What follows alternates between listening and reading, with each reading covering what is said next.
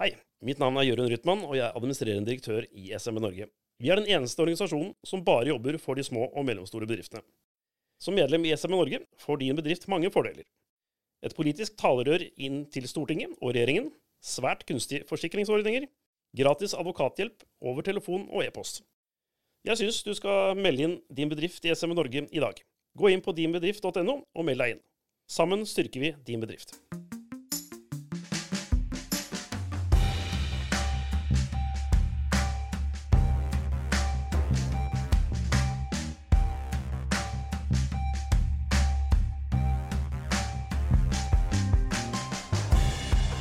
Hei og velkommen til en ny episode av SMB Norge-podkasten. Og her sitter jeg, Klaus Jacobsen. Og Kristian Eilertsen. Ja. Det er litt sommer. Det er litt sommer. Det skal det jo være. Satt og gjespa litt her før vi kom i gang. Du, jeg vet ikke hva du driver med eh, som gjør at det er så viktig for deg å Å gjespe? Nei, det var noe mest pga. de tørre vitsene dine at jeg begynte. Ja, du, altså, sommeren er jo på en måte litt over når denne episoden eh, kommer ut. da, Greit nok, da. Eller vil si det kan bli en veldig fin høst, da. Men jeg kommer jo litt sommershabby med uten friserte tupper. Eh, ja, shabby skjegget og i det hele tatt og i det hele tatt. Men det skal være litt sånn på sommeren, skal det ikke det? Det skal være litt, eh, litt sånn laidback, litt løs i snippen og litt ubarbert. Det er innafor. Ja, det er så bra. Du, Kristian, det er overraskende mange som, eh, som fortsatt spør meg hva Arendalsuka er. Ja. ja. Så sjekka litt eh, statistikk og litt tall og, greier her, og hva som skjer med Arendalsuka. Det har jo vært siden 2012. Mm. Og podkasten her starta jo da i Arendalsuka i fjor, i 2022, da. Mm. Men si litt med dine ord. Hva tenker du, hva, hva er Arendalsuka for deg, egentlig? Det vil du si at vi har snart jubileum også, da? Ja. For denne podkasten, da. Den ble jo lansert eh, under Arendalsuka. Ja. Mm. Eh, Så det vil si at det nærmer seg ettårsjubileum for SMB Norge-podkasten. Nei, Arendalsuka. Hva er Arendalsuka for meg? Jeg vet ikke om det er det som er det rette spørsmålet å stille. Eh, Men Arendalsuka er jo egentlig en sånn norsk versjon av den svenske Almedalsvekkan. Ja. Den ligger vel på Gotland, tror jeg. Ja, det er på Nøy. Ja, stemmer. Så det er liksom Man må ta ferge og båt for å komme seg ut dit, men det må man jo ikke i Arendal, da. Men eh, Arendalsuka er jo det som mange pleier å kalle for demokratiets dansegulv, og eh, en del andre sånne her eh, flotte begreper man, man bruker for å på en måte forklare hva er Arendalsuka. Men det er først og fremst en, en politisk festival, vil jeg kanskje si at det er. Ja. Der eh, er det drøssevis med arrangementer av ulike valører, ulike organisasjoner som arrangerer. Mm. Det er et enormt spekter i tema. Eh, og så er det jo ikke minst Du møter masse politikere, du møter masse folk som jobber innenfor organisasjonslivet. Ja. Du møter folk innenfor akademia, forskning og næringslivet, ikke minst. Mm. Så det er jo det er egentlig Du, du møter um, utrolig mange folk der da, eh, som, som eh, tar viktige beslutninger i Norge, rett og slett. Og det var da oppretta i 2012. I første år så hadde de 50 arrangement. Og så har det gått litt trinnvis. Og i 2022, hvor også vi var en aktiv deltaker, så var det altså 1725 arrangement. Så det er ganske heftig. Og fra starten og frem til nå så har det vært 1373 unike aktører som hadde arrangementer der. Så det er jo i ferd med å bli en eh, mastodont innen det her området. Og den gangen det ble Arendal, så var jo konkurransen mellom Drammen og Arendal, faktisk talt. Å ja. Og det landa på eh, Til Jørunds såre tanker, så ble det ikke Drammen, da. Kan ikke få alt man vil ha. Nei, man kan ikke få alt man har. Og type arrangører, her har de laga en liste. Det Men det er er jo, men det er jo bedre med en eh, dram i timen enn en time i Drammen, det er ikke det man pleier å si? Ja, men det var i gamle dager. Det begynte å bli fint i Drammen. Ja, det er sant. det. Jeg skal ikke shit on Drammen. Nei. Type arrangører som er da, de har laga en eh, oversikt over det også. Det er arbeidstakerorganisasjoner, bedrifter, næringsliv, eh, forskning, fylke, kommune, offentlig, ideelle organisasjoner, interesseorganisasjoner, næringslivsorganisasjoner, der er vel vi på sett og vis, politiske parti, utdanningssektoren og ja, annet. diverse Ja. annet. Så det er ganske stor smeltedigel av absolutt, absolutt alt mulig. Ja, det er enormt mye. Det er enormt mange. Du var litt inne på de tallene her nå på hvor mange arrangement det var i fjor, i 2022. Det er ikke usannsynlig at det blir enda flere i år. Jeg, jeg snakka så vidt med han eh, koordinatoren til Arbeiderpartiet, Mm. eh, som koordinerer dem, alle de invitasjonene som Arbeiderpartiet får. Eh, jo Heinum heter han. Veldig flink eh, koordinator, må jeg faktisk si at han er. Mm. Eh, og han sa at Arbeiderpartiet de hadde vel fått i overkant av 900 invitasjoner. Wow. Ikke sant, fordelt på fem dager. Ja. Det sier litt om hvor mange arrangement det er snakk om. Ja. Eh, og da har jo ikke de da kanskje blitt invitert til alle. Det er ikke alle arrangementer de inviterer politikere til. Eh, det er i og for seg greit nok det, men over 900 invitasjoner. Ja. Eh, Det er et skyhøyt antall arrangement. Ja. Og Hadde det ikke vært for pandemien, så tror jeg også den hadde vokst videre. fordi I 2020 måtte de jo stoppe helt. Da hadde de vel tre sånne over internett-arrangement bare. Ja. ja. Så det bremser litt, og så går raseutviklinga videre. Så nei da, det er en utrolig eh, bra sted å være, og vi vil anbefale. Og det var det vi skulle tenke med denne episoden her. Snakke litt, reflektere litt tilbake, Mm. og litt frem hva vi har tenkt å gjøre sjøl. Kom og møt oss i Arendal, rett og slett. For Ja. der er det veldig mye spennende for oss å ja, se og høre. Absolutt. 2022, da. Arendal for oss. Ja, det vil jeg kanskje si at det eh, ja, høydepunktet til SME Norge i Arendalsukas historie, nesten, vil jeg si. Ja. Eh, for at det aldri før, eh, inntil videre, har det vært eh, så mange arrangementer eh, arrangert av SME Norge. Ja. Enten alene eller i lag med noen samarbeidspartnere. Jeg tror at hvis vi på en måte summerer opp alle de arrangementene vi hadde i fjor, så lander vi på en 14-15 arrangementer. Ja. Pluss noen utleide. ja. Ja. Pluss noen, noen samarbeidsarrangementer. Eh, og og eh, altså det var Vi kjente jo det der og da, hvor, mye, hvor mange arrangement det var. Men samtidig var det utrolig Gjorde vi nå det? Ja, vi, Med tanke på året i år! ja, ja da. Vi kommer, Lærte vi, vi? vi, kommer til året i år. Men, men, Ja. men det som var så utrolig artig med det, det var det det enorme spekteret med, med tema og saker vi fikk, Ja. fikk satt på, på dagsorden. Og det som vi også så både underveis og i etterkant, at hadde det ikke vært for de arrangementene som SMB Norge hadde satt på dagsorden der, så hadde ikke de spørsmålene blitt belyst i det hele og det store. Nei. Eksempelvis eh, byråkratiet som næringslivet møter, Ja. eh, sykelønnsordninga, eh, som vi vet at veldig mange bedrifter er opptatt av.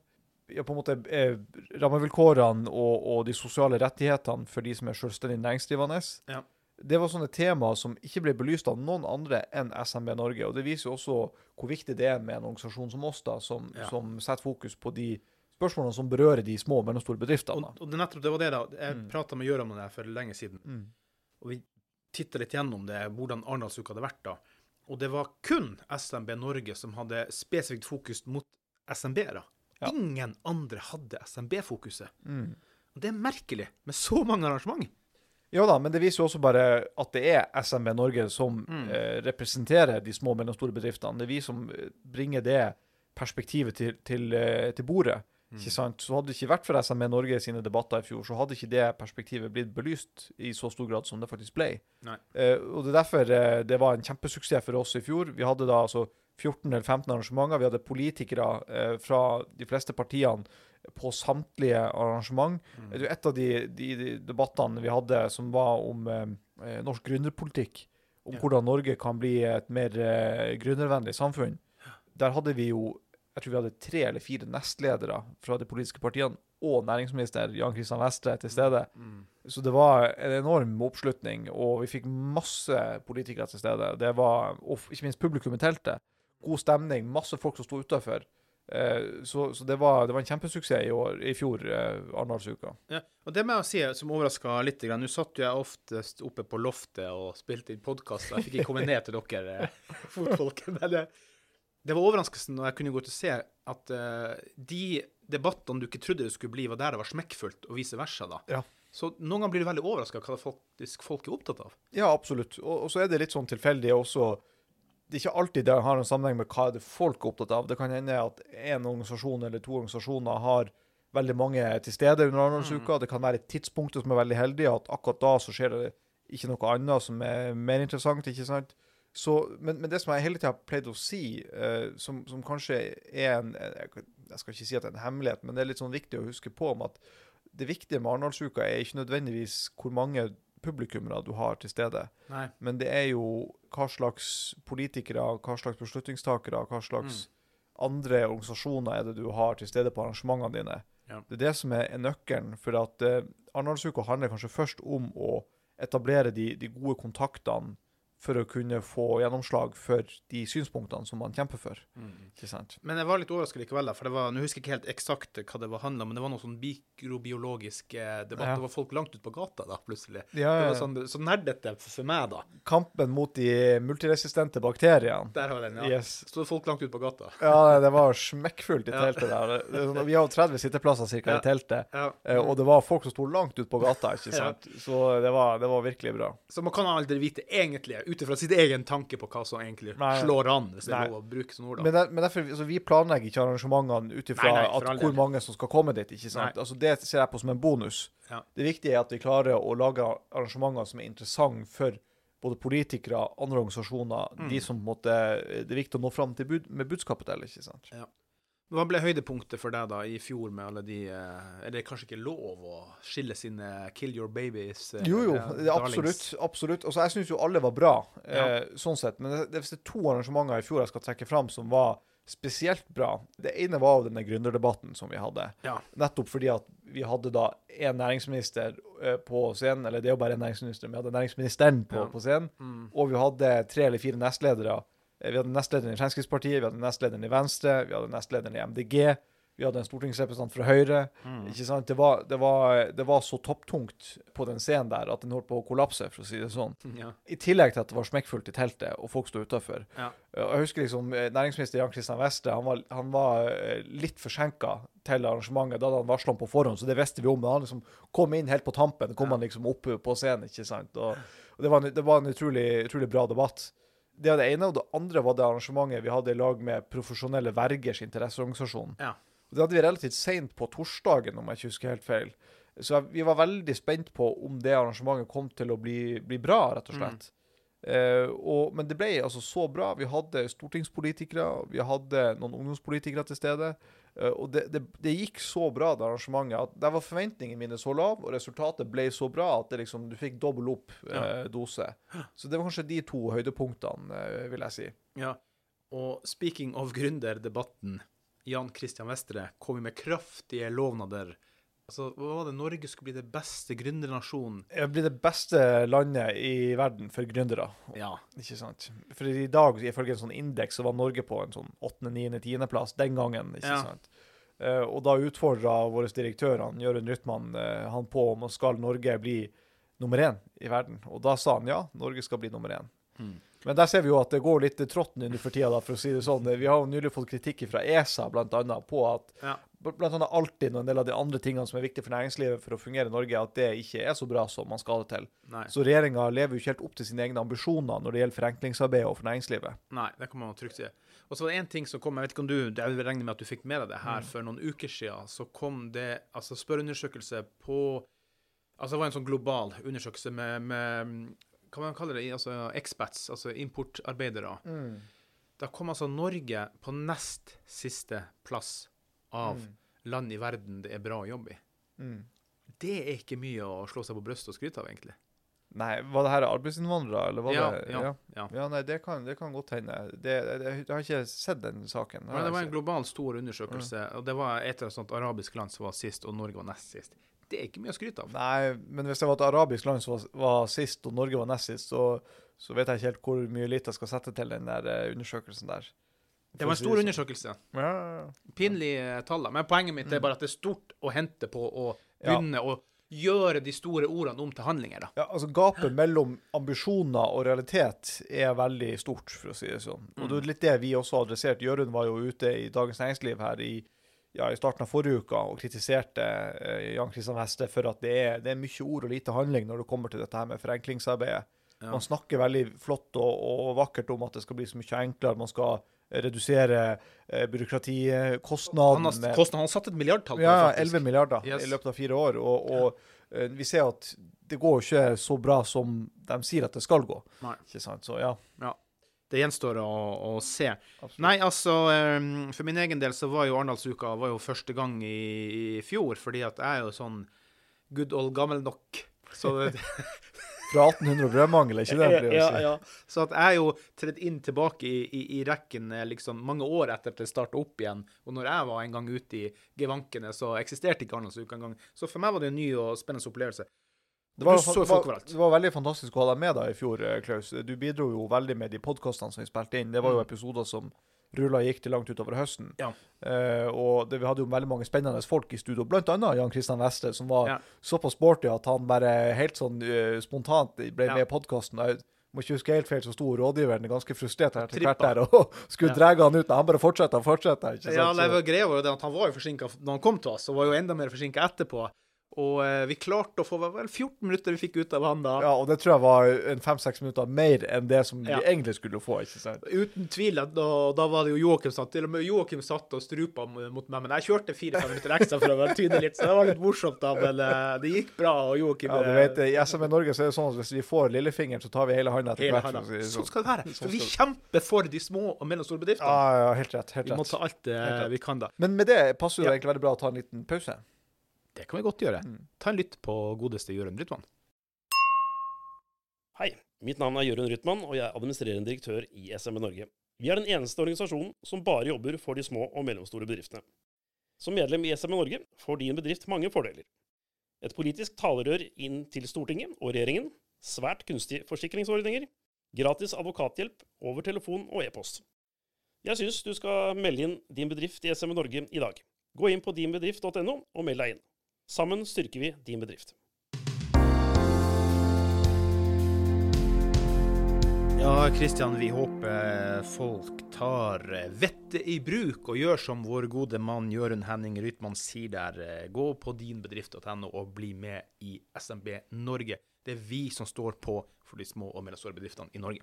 Absolutt. Og det er til en veldig rimelig snill kontingentsats også, for å si det sånn. Ja. Så litt avhengig av størrelsen på bedriften, selvfølgelig. Men eh, det koster ikke skjorta å være medlem i SMB Norge, og du får tilgang på en masse masse fordeler, Mm. som du bl.a. har fått høre Jørund akkurat si. En annen ting Klaus, som er viktig at eh, lytterne våre gjør, hva det er? Det er å gi oss fem stjerners rating i Apple Podcast og Spotify. Oh yes, fordi at vi er den nye femstjernersbevegelsen. Yes. Og det vil si at vi aksepterer ikke noe mindre enn eh, fem stjerners rating. Eh, Nei. og så håper vi at dere gir oss også noen tilbakemeldinger. Du kan gi kommentarer også i Apple Podcast. Det kan man. Og så kan man sende oss en e-post på podkastmuseet.smbnorge.no. Speaking of Arendalsuka Jeg skulle bare også, også si til lytterne at de må gå inn på SMB Norge på Facebook og på Instagram og på LinkedIn, og Ja. like å følge oss der også, for der legger vi ut masse spennende. Ja, uten tvil. Og vi er jo tilstedeværende overalt, egentlig. Og det er oh, bra. Yes. Oh yes. Oh yes, oh yes. Og speaking of å være til stede, da. Det er at eh, Arendalsuka blir litt spesiell for oss i år, da, fordi at den blir litt lengre. For vi har også kongress to dager Ja, stemmer det. Eh, SME Norge har jo kongress annethvert år, og i år så er den lagt til Arendal og Region Sør. Så den begynner jo da på lørdag eh, 12. og avsluttes søndag 13. Mm. Men så er det jo innreise og sånt for mange da på fredag 11., og da er det noe arrangement eh, som pågår da også fredag 11. Men selve kongressen starter lørdag 12. Ja, jeg tror det er noe båttur. Ja, Reker og båttur. Ja. Stemmer det. stemmer det. Sosiale greier, teambuilding osv. Det er viktig. Så, det er viktig. så for oss i administrasjonen da, så blir det jo ei lang uke. da. Da Ja. blir det jo, eh, Vi blir jo der da egentlig fra fredag til fredag, egentlig. Ja, så Sånn er det. Og speaking of det, lærte vi i fjor. Som sagt, det var hektisk og stressfullt og veldig bra i fjor. Ca. 15 arrangementer. Men vi gasser på. Det gikk så bra i fjor. Ca. 20 i år. Ja, Hva var det Kristian Valen pleier å si i sine parodier? Nå skal vi toppe hele dritten. Nja? Eh. Ja Toppe litt dritten, Ja. Ja. Yes-hjørnet. ja. Nei, sant, så eh, Så det Ja, det er det vi skal gjøre i år. Vi skal toppe hele opplegget her nå. Så nå blir det Vi går ifra ja, 14-15 arrangement eh, til 20 arrangement i år. Ish. Ja, og, og det Kan nok. Det kan nok dukke opp et par til også her på tampen. Eh, så ja, ingen vet hvor, hvordan vei haren hopper, for å si det sånn. Så eh, Men den hopper fremover. Ja, men hva som blir sluttsummen her, det vet vi faktisk ikke. Men i hvert fall per nå da, så er det 20 arrangement. Ja. Eh, fordelt på fire dager. Mm. Mm. Og den første dagen, det er jo litt sånn eh, På mandagen så pleier det ofte å bli litt, grann, litt mer sånn roligere. Jeg tenker meg at folk kommer til byen og kommer i gang og litt sånne ting da. Men vi begynner jo med et eget arrangement, da, annet med den nyopprettelsen SMB idrett. Ja, Og frivillighet. Du hadde vel eh, Morten og eh, Anne i studio her, har du ikke Ja, den episoden er kommet ut før den her, så da har folk fått lytta på den i hvert fall. Ja, ikke sant. Så, as we speak. Da, da, vil, eh, da vil de, når de hører på denne episoden her, så har dere allerede hørt episoden Ja, med Morten. Berge og Anne Bramo eh, om SMB, frivillighet og idrett. Ja, hvordan skape gode kår for breddeidretten og frivilligheten handler debatten om. Ja, det stemmer. Mm. Og, og der har vi jo Den begynner klokka ett på Mm. mandagen. Der har vi jo fått eh, flere politikere til å stille opp, bl.a. Turid Kristensen fra Høyre, Silje Hjemdal fra Frp og May-Britt Lagesen fra Arbeiderpartiet. Ja. Men ikke nok med det. Der har vi også fått eh, Norges idrettsforbund til å stille opp. Så der har vi Pål Kristen Rønnevik, som er leder for modernisering og digitalisering i Norges idrettsforbund, han stiller også opp i den debatten. Okay. For det er litt det som skal problematiseres eh, litt i den debatten. Ja, interessant. Og så fortsetter det videre på samme dag, i lag med Fotterapeutforbundet, som jo er en av våre kollektive medlemmer. Hvorfor amputeres det så mange diabetesføtter? Og det her er en veldig essensiell, eh, viktig del for de som sliter med diabetes. Ja, jeg var faktisk ikke klar over uh, det at det er Jeg tror det var en plass mellom 500 og, og 1000 amputasjoner som utføres Mm. hvert år pga. at du har diabetes. Ja. Eh, det vel Ofte pga. feilbehandling. Også. Ja? Mm. men det er jo akkurat det at, at man, det kan, du, får, du, du får sånne sårdannelser Ja. så videre på føttene, bl.a., eh, som kan oppdages og som kan forebygges, annet dersom man går til fototera fotterapeut eh, Mm. jevnlig. Så kan det oppdages og forebygges, men likevel så, så er det mange diabetespasienter som ikke henvises Mm. til fotterapeut så hyppig som man kanskje burde ha vært gjort. Mm. For å, både kunne for å forebygge, oppdage dette her tidlig, og for å bremse utviklinga. Mm. Eh, så det var helt sjokkerende. Altså fem, mellom 500 og 1000 amputasjoner hvert år Mm. Av det. Og vi snakka med Inger Margaret Paulsen her hos oss før i podkasten, og hun nevnte jo en tall på det òg. Det var jo flere hundre millioner som kunne vært spart av statsbudsjettet ved å kjøre riktig behandling. Ja, absolutt. Mm. Og, og, eh, så det blir et veldig bra arrangement i lag med Fotterapeutforbundet, som er kollektivt medlem i SME Norge. Og, og på den debatten der så har vi bl.a. fått eh, Tove Elise Madland fra Arbeiderpartiet, stortingsrepresentant i helse- og omsorgskomiteen, eh, som stiller der. Eh, så det kan bli veldig spennende. Mm, mm. Og så siste arrangement foreløpig, for det kan jo dukke opp på mandagen. Det er altså et lokalt arrangement da fra SMB Norge region sør. Hvordan gjøre Arendal til en næringsvennlig kommune. Jeg vet ikke om du har vært involvert i den, eller om SMB Norge sør tar den helt alene. Jo da, jo da, vi har vært Ja. involvert i den. Og det handler egentlig om å få det litt lokale perspektivet også, i og med at det er kommune- og fylkestingsvalg i år. Ja. Eh, Så ønsker vi da å ha en lokalpolitisk debatt om den lokale næringspolitikken i, i Arendal. Mm, mm.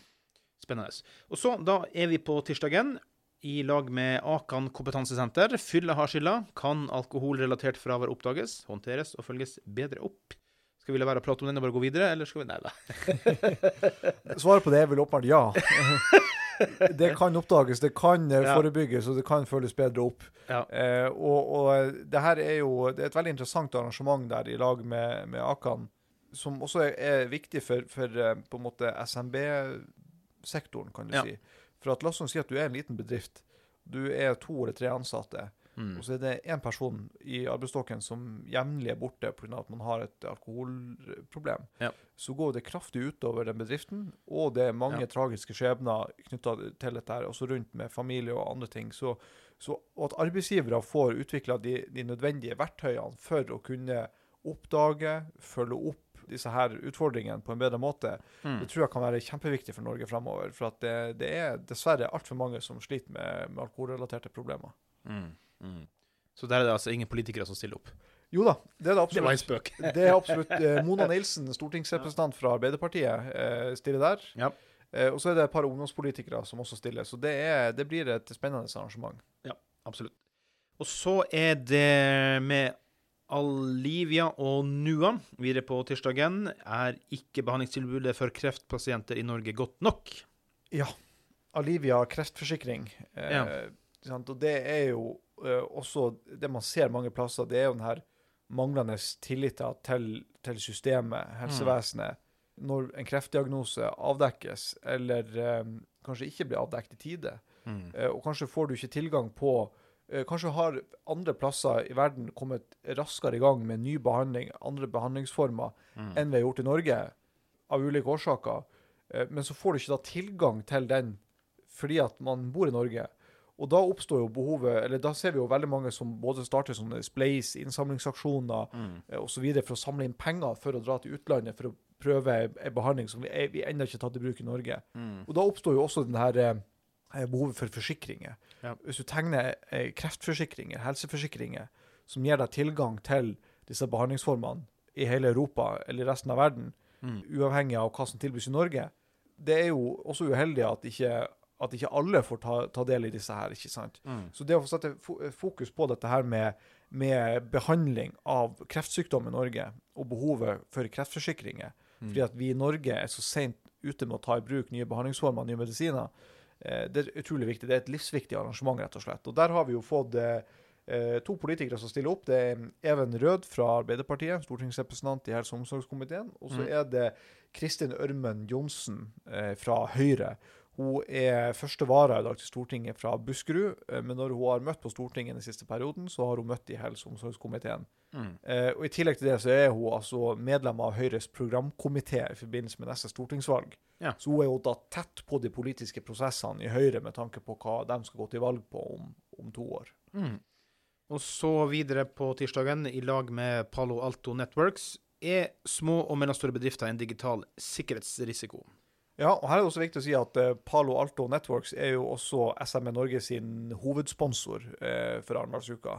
Ja. Eh, så, så det er litt viktig å få fram også i denne podkasten. Og det Mm. burde vi egentlig også få kanskje en egen snutt om, at de er vår Mm. hovedsponsor. Mm. Men de er i hvert fall da vår hovedsponsor gjennom hele uka, eh, og de er jo et, et selskap som jobber innenfor cybersecurity, annet. Mm. Eh, Og en av de tingene som vi så nå i vinter, var jo at Nasjonal sikkerhetsmyndighet kom med en rapport som heter Risiko 23, tror jeg den heter. Ja. Eh, og der var det jo klart og tydelig at, eh, at underleverandører i særlig større grad nå var blitt en, en sikkerhetsrisiko i store prosjekter. Og hvem er jo disse underleverandørene? Jo, i mange tilfeller så er underleverandørene små og mellomstore bedrifter. Mm. Eh, Så man ser at det er kanskje mange selskaper som har god IT-sikkerhet, men lenger ned i verdikjeden så er det kanskje ikke like bra. Nei. Eh, og Derfor stiller vi jo det spørsmålet er de små og mellomstore bedriftene en digital sikre, eller en, en sikkerhetsrisiko. Uh, og Det kan hende at, at ikke alle er det, men at noen er det. Uh, men det er jo det vi ønsker å, å sette fokus på, annet som vi gjør på sikkerhetskonferansen, som vi Mm. har en gang i året. Mm. Det der behovet for å ha sikkerhet i fokus hele tida Ja. for det er så viktig. Og det kan jo hende, i verste fall, at små og mellomstore bedrifter ikke får delta som underleverandører fordi at de ikke har god nok sikkerhet. Nei. Og du trenger ikke være liten heller. Tidligere i juli så ble 12 av 15 departement i Norge eh, hacka. Absolutt. absolutt. Det var vel sikkert noen som sendte en sånn e-post om at eh, du har eh, vunnet 10 millioner dollar eh, fra en prins i Kongo. Bare betal én million, så får du de eh, 11 ut. Trykk her, så, så får du ut det. Noen som tenkte at ja, ja, der berga vi bunnlinjene ut til, eh, til Samferdselsdepartementet. Ja, videre klokka 15.00 Ja, vi glemte bare å si der, at der har vi fått et ganske eh, tungt eh, panel. Eh, i den debatten. Der har vi bl.a. Per-Willy Amundsen, som er leder av justiskomiteen fra Mm. Fremskrittspartiet. Vi har eh, Odd Harald Hovland, også fra justiskomiteen, Arbeiderpartiet. Ja. Eh, og så har vi Mahmoud Faramand Farahmand eh, fra Høyre, som Mm. bl.a. har bakgrunn fra E-tjenesten, vært i utenlandsoperasjoner, har sittet i Yep. finanskomiteen i dag, så han er i hvert fall gått sånn uh, innenfor på det sikkerhetspolitiske. Mm. Og I tillegg til det så har vi, uh, har vi to andre interessante bidragsytere i debatten. Vi har um, Lars Magne Hovtun fra Næringslivets sikkerhetsråd og Maria Bartnes fra Sintef, Ja. som er forskningssjef uh, der. Så det er et ganske tungt panel vi har tromma i hop der. Absolutt. Så som sagt, klokken 15.00 på tirsdagen så er jeg igjen med kollektivmedlem Norges Massasjeforbund.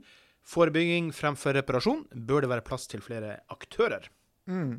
Ja, og det er jo litt eh, en av de problemstillingene som vi jobber mye med, det er jo det med pasientenes helsevesen. At Mm. uh, vi er nødt til å ta i bruk alle gode krefter for å få ned helsekøen, for å gi folk den livskvaliteten som de trenger og fortjener.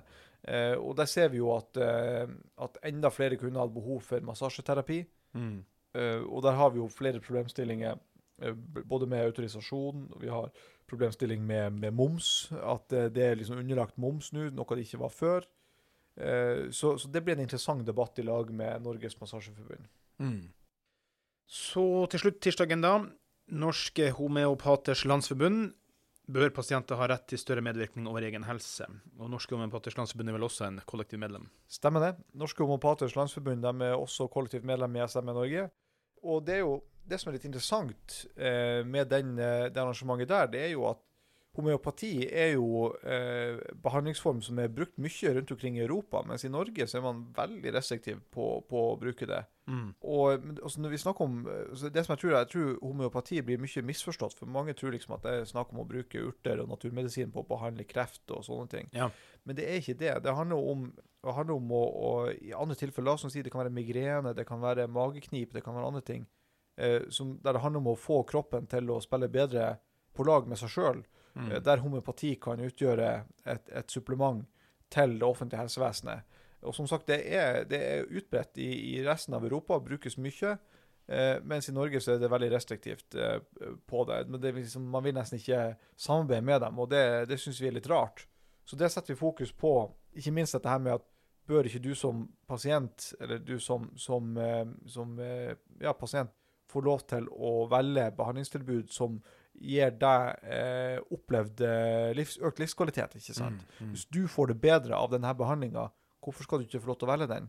Ja. Og, også ikke minst det med sikkerhet. At du vet at når du går til en homopat, så er det noen som har gjennomført en skikkelig utdanning. Noen som, som kan faget sitt. Ikke noen som har vært på tre ukers brevkurs og kaller seg for homopat. ikke sant? Nei, nei, nei, men du får det alltid best ved å være kaptein på egen skute. Sånn er det jo bestandig. Absolutt. Så er vi da over på onsdagen i lag med Akan kompetansesenter og Vinmonopolet. Hvordan skape engasjement for sosial bærekraft i din bedrift? Mm.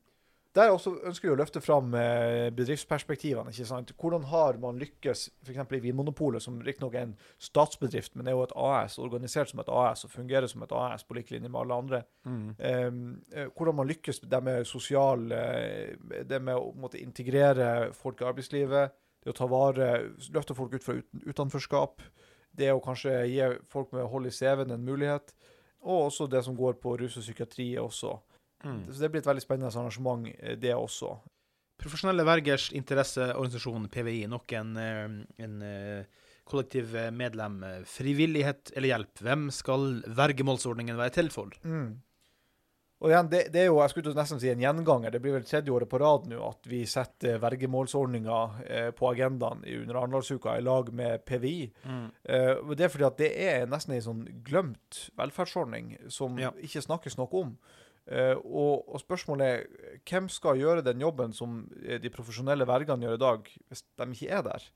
Eh, og eh, det er utrolig mange mennesker i dagens samfunn som på en måte havner i det såkalte sorte hullet, som, Ja. som jeg vet at hun, eh, Anne Kari Vindenes snakker mye om i, i PVI.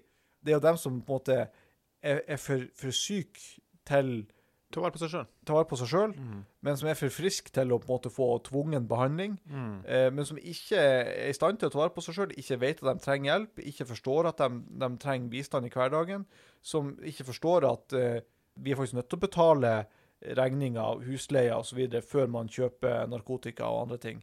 Ikke sant? Satt på spissen nå, da, selvfølgelig. Men, men det er veldig mange av de, og de profesjonelle vergene gjør en utrolig jobb hver dag for å sørge for at folk har et minimum av livskvalitet. At, og verdighet, ikke minst. Det at de vet at de har en bolig, der er regninga betalt, og at ikke alle pengene blir brukt med en gang. ikke sant? Det, Ja. det, det de holder på med, er jo beslutningsstøtte, som det så fint heter. De hjelper folk til å ta gode og riktige beslutninger. ikke sant? Men til sjuende og sist er det den enkelte som bestemmer, men vergen hjelper deg å ta de riktige beslutningene. Det å ha den rådgiveren der med på laget, det vet jeg det er mange som setter, setter pris på. Så den der glemte velferdsordninga som er så utrolig viktig, den setter vi fokus eh, på nok en gang. Og så, i lag med næringshagene i Norge, innkjøpsmakten, kan det offentlige velge kortreiste bærekraftige løsninger fra lokalt næringsliv. Ja, Næringshagene i Norge er jo også en eh, kollektiv medlemsorganisasjon i Mm. eh, SME Norge. Og det som er det fine der, er at næringshagene jobber jo veldig tett på det lokale næringslivet.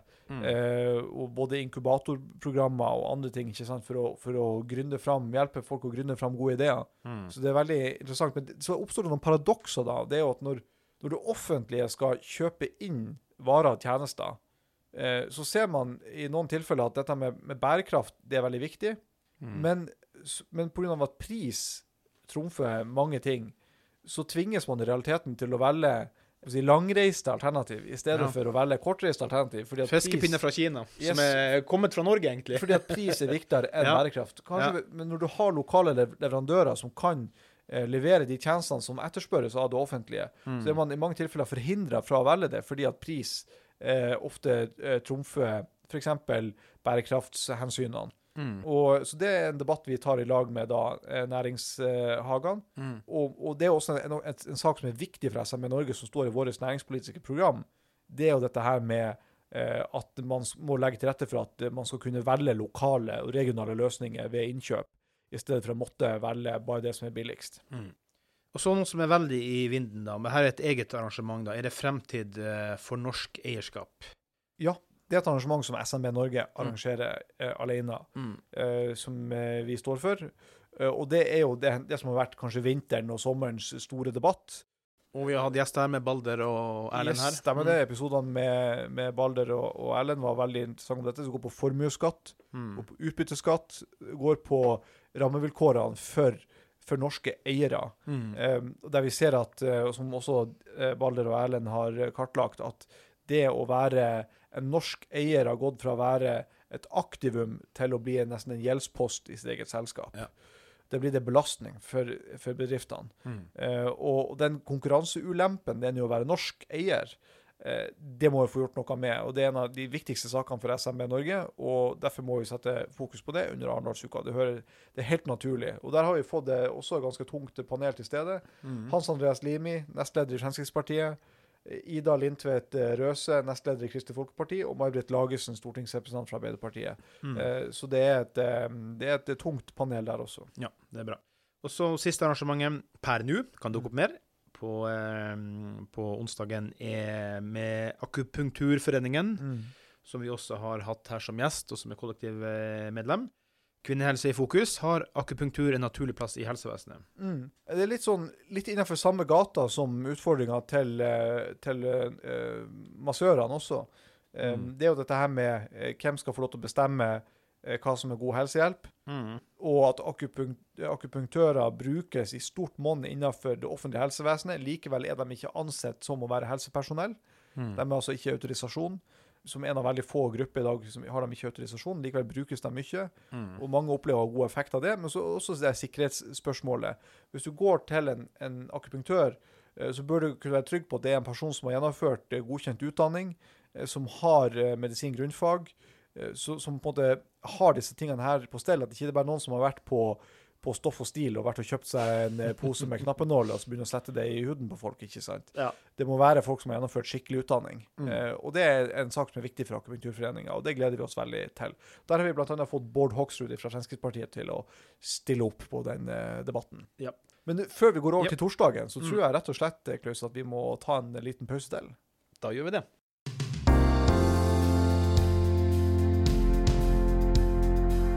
Ja, Kristian, eh, torsdagen er altså da siste dagen på eh, Arendalsuka.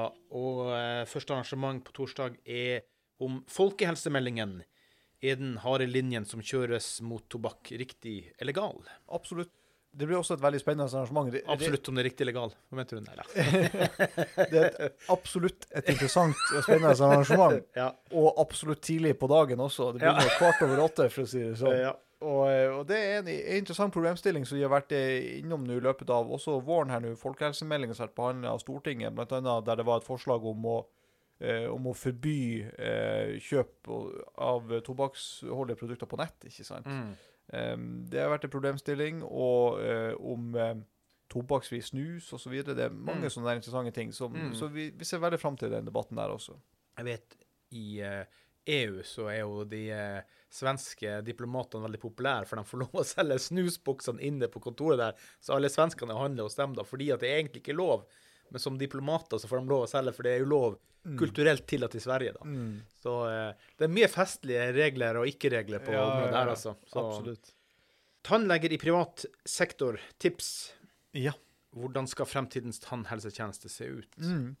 Det er også en, en interessant debatt. Vi har Mm. lag med Tips, som er kollektivt medlem i SME Norge, Mm. eh, som skal omhandle litt eh, om, eh, om tannhelse, eh, tannhelsetilbudet i, i Norge, og Mm. hvordan det skal være organisert i fremtida.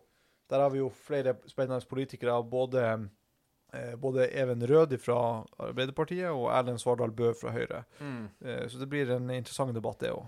Og eh, tannlegen må besøkes noen gang. Sånn er det bare. Det må den. Eh, Hilsen Karius og Baktus. Det må den. Og så er det jo eh, hvis han- så hvordan- Skal det bare være offentlig framover, eller skal det også være rom for de private? ikke Ja. Mm. Det er egentlig det som er stridens eh, kjerne her, altså. Og så torsdag klokken 11.00 eh, i lag med Akademiet Norge AS. Høy kvalitet til lavere kostnad. Hvordan klarer privatskolene det? Ja, og der har vi jo virkelig et tettpakka panel. Mm. Der har vi bl.a. én statssekretær. Det er Kjetil Vevle fra Arbeiderpartiet. Mm. Eh, og så har du lederen av utdanningskomiteen fra Rødt, hun Hege Nyholt. Mm. Kjell Ingolf Ropstad, Kristelig Folkeparti, stortingsrepresentant, Mm. og Himanshu Gulati fra Fremskrittspartiet. Mm. Og førstekandidaten til Høyre i Østfold, Tor Hals. Ja. Han er fylkesordførerkandidat der. Eh, Så det blir en interessant debatt. Og så ikke minst eh, eh, Kjetil Eide, som er arbeidende styreleder i Akademiet Norge, Mm. som også vil delta i den debatten. Så det blir, det blir en interessant debatt om hvordan er det egentlig helt tatt mulig at de private skolene klarer å få bedre resultater, bedre trivsel, høyere kvalitet enn de offentlige. Og ikke minst en lavere pris Mm. enn hva det offentlige. Det er en interessant problemstilling. Mm. Og så igjen da i lag med eh, hovedsponsor Palo, eh, Alto Networks. Pasientinformasjon på avveie. Hvem har ansvaret, og hvordan kan vi styrke datasikkerheten? Mm.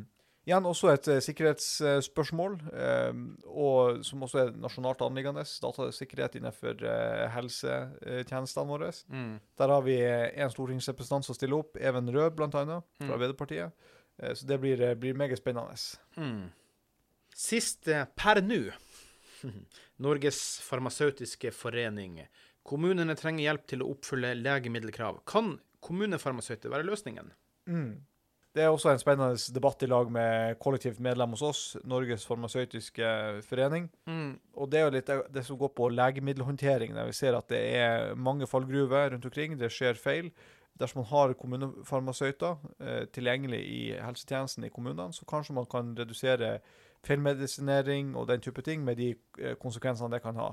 Så det blir eh, veldig spennende, det også. Så, så det vi har fått sett her nå, eller det vi har fått høre her nå, Mm. Klaus, det er jo det enorme spekteret med problemstillinger som vi setter på agendaen i Arendal, i lag Ja. med våre samarbeidspartnere, kollektive medlemmer primært. Mm. Eh, og Det ser jeg veldig fram til. Det kommer til å bli intense uker med masse debatter, masse politikere, masse folk. Men spennende. Det vil det bli. Ja, og så skal vi i tillegg også gjøre masse podkaster. Ikke minst. Mm. Det skal jo spilles inn en hel drøssevis med podkaster Mm. underveis som kommer eh, utover høsten. Så det er bare å se fram til alle de episodene. Ja. Og så for alle dere som uh, føler at det her må vi sjekke ut og finne ut av, så SMB Norge finnes på Stenhuset. Stort telt utenfor Stenhuset. Ja, eh, i eh, bakgården, eller en parkeringsplass ved Stenhuset. Mm. Så hvis du på en måte går inn hovedinngangen på Stenhuset, så har du kommet feil. Det Ja. enkleste er at du bare går rundt hjørnet, inn i, i gata der, som er i retning Madame Reiersen, for dem som er kjent i, i, i Arendal. Mm. Og der er det en parkeringsplass, en liten bakgård, der vi har et svært telt. SMB Norge-teltet.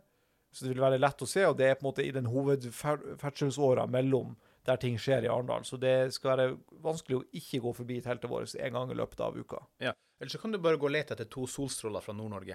Ikke minst. Som stråler opp Arendal! Én med langt hår og én med kort hår. Eh, og da vil du finne oss. Eh, og eh, ikke minst Jørund, eh, apropos hår. Eh, og, og flere andre. Mangel på eh, hår, mente du? ja. Eh, og flere andre som er, vil være fra staben vår til stede der. Uh, og det vil, det vil være lett å se, uh, for Mm. å si det sånn, hvor hen vi, vi er. Og det blir masse arrangementer. SMB Norge skal også delta i noen andre debatter som arrangeres av andre. Ja. Så det blir, det blir mye som skjer denne uka.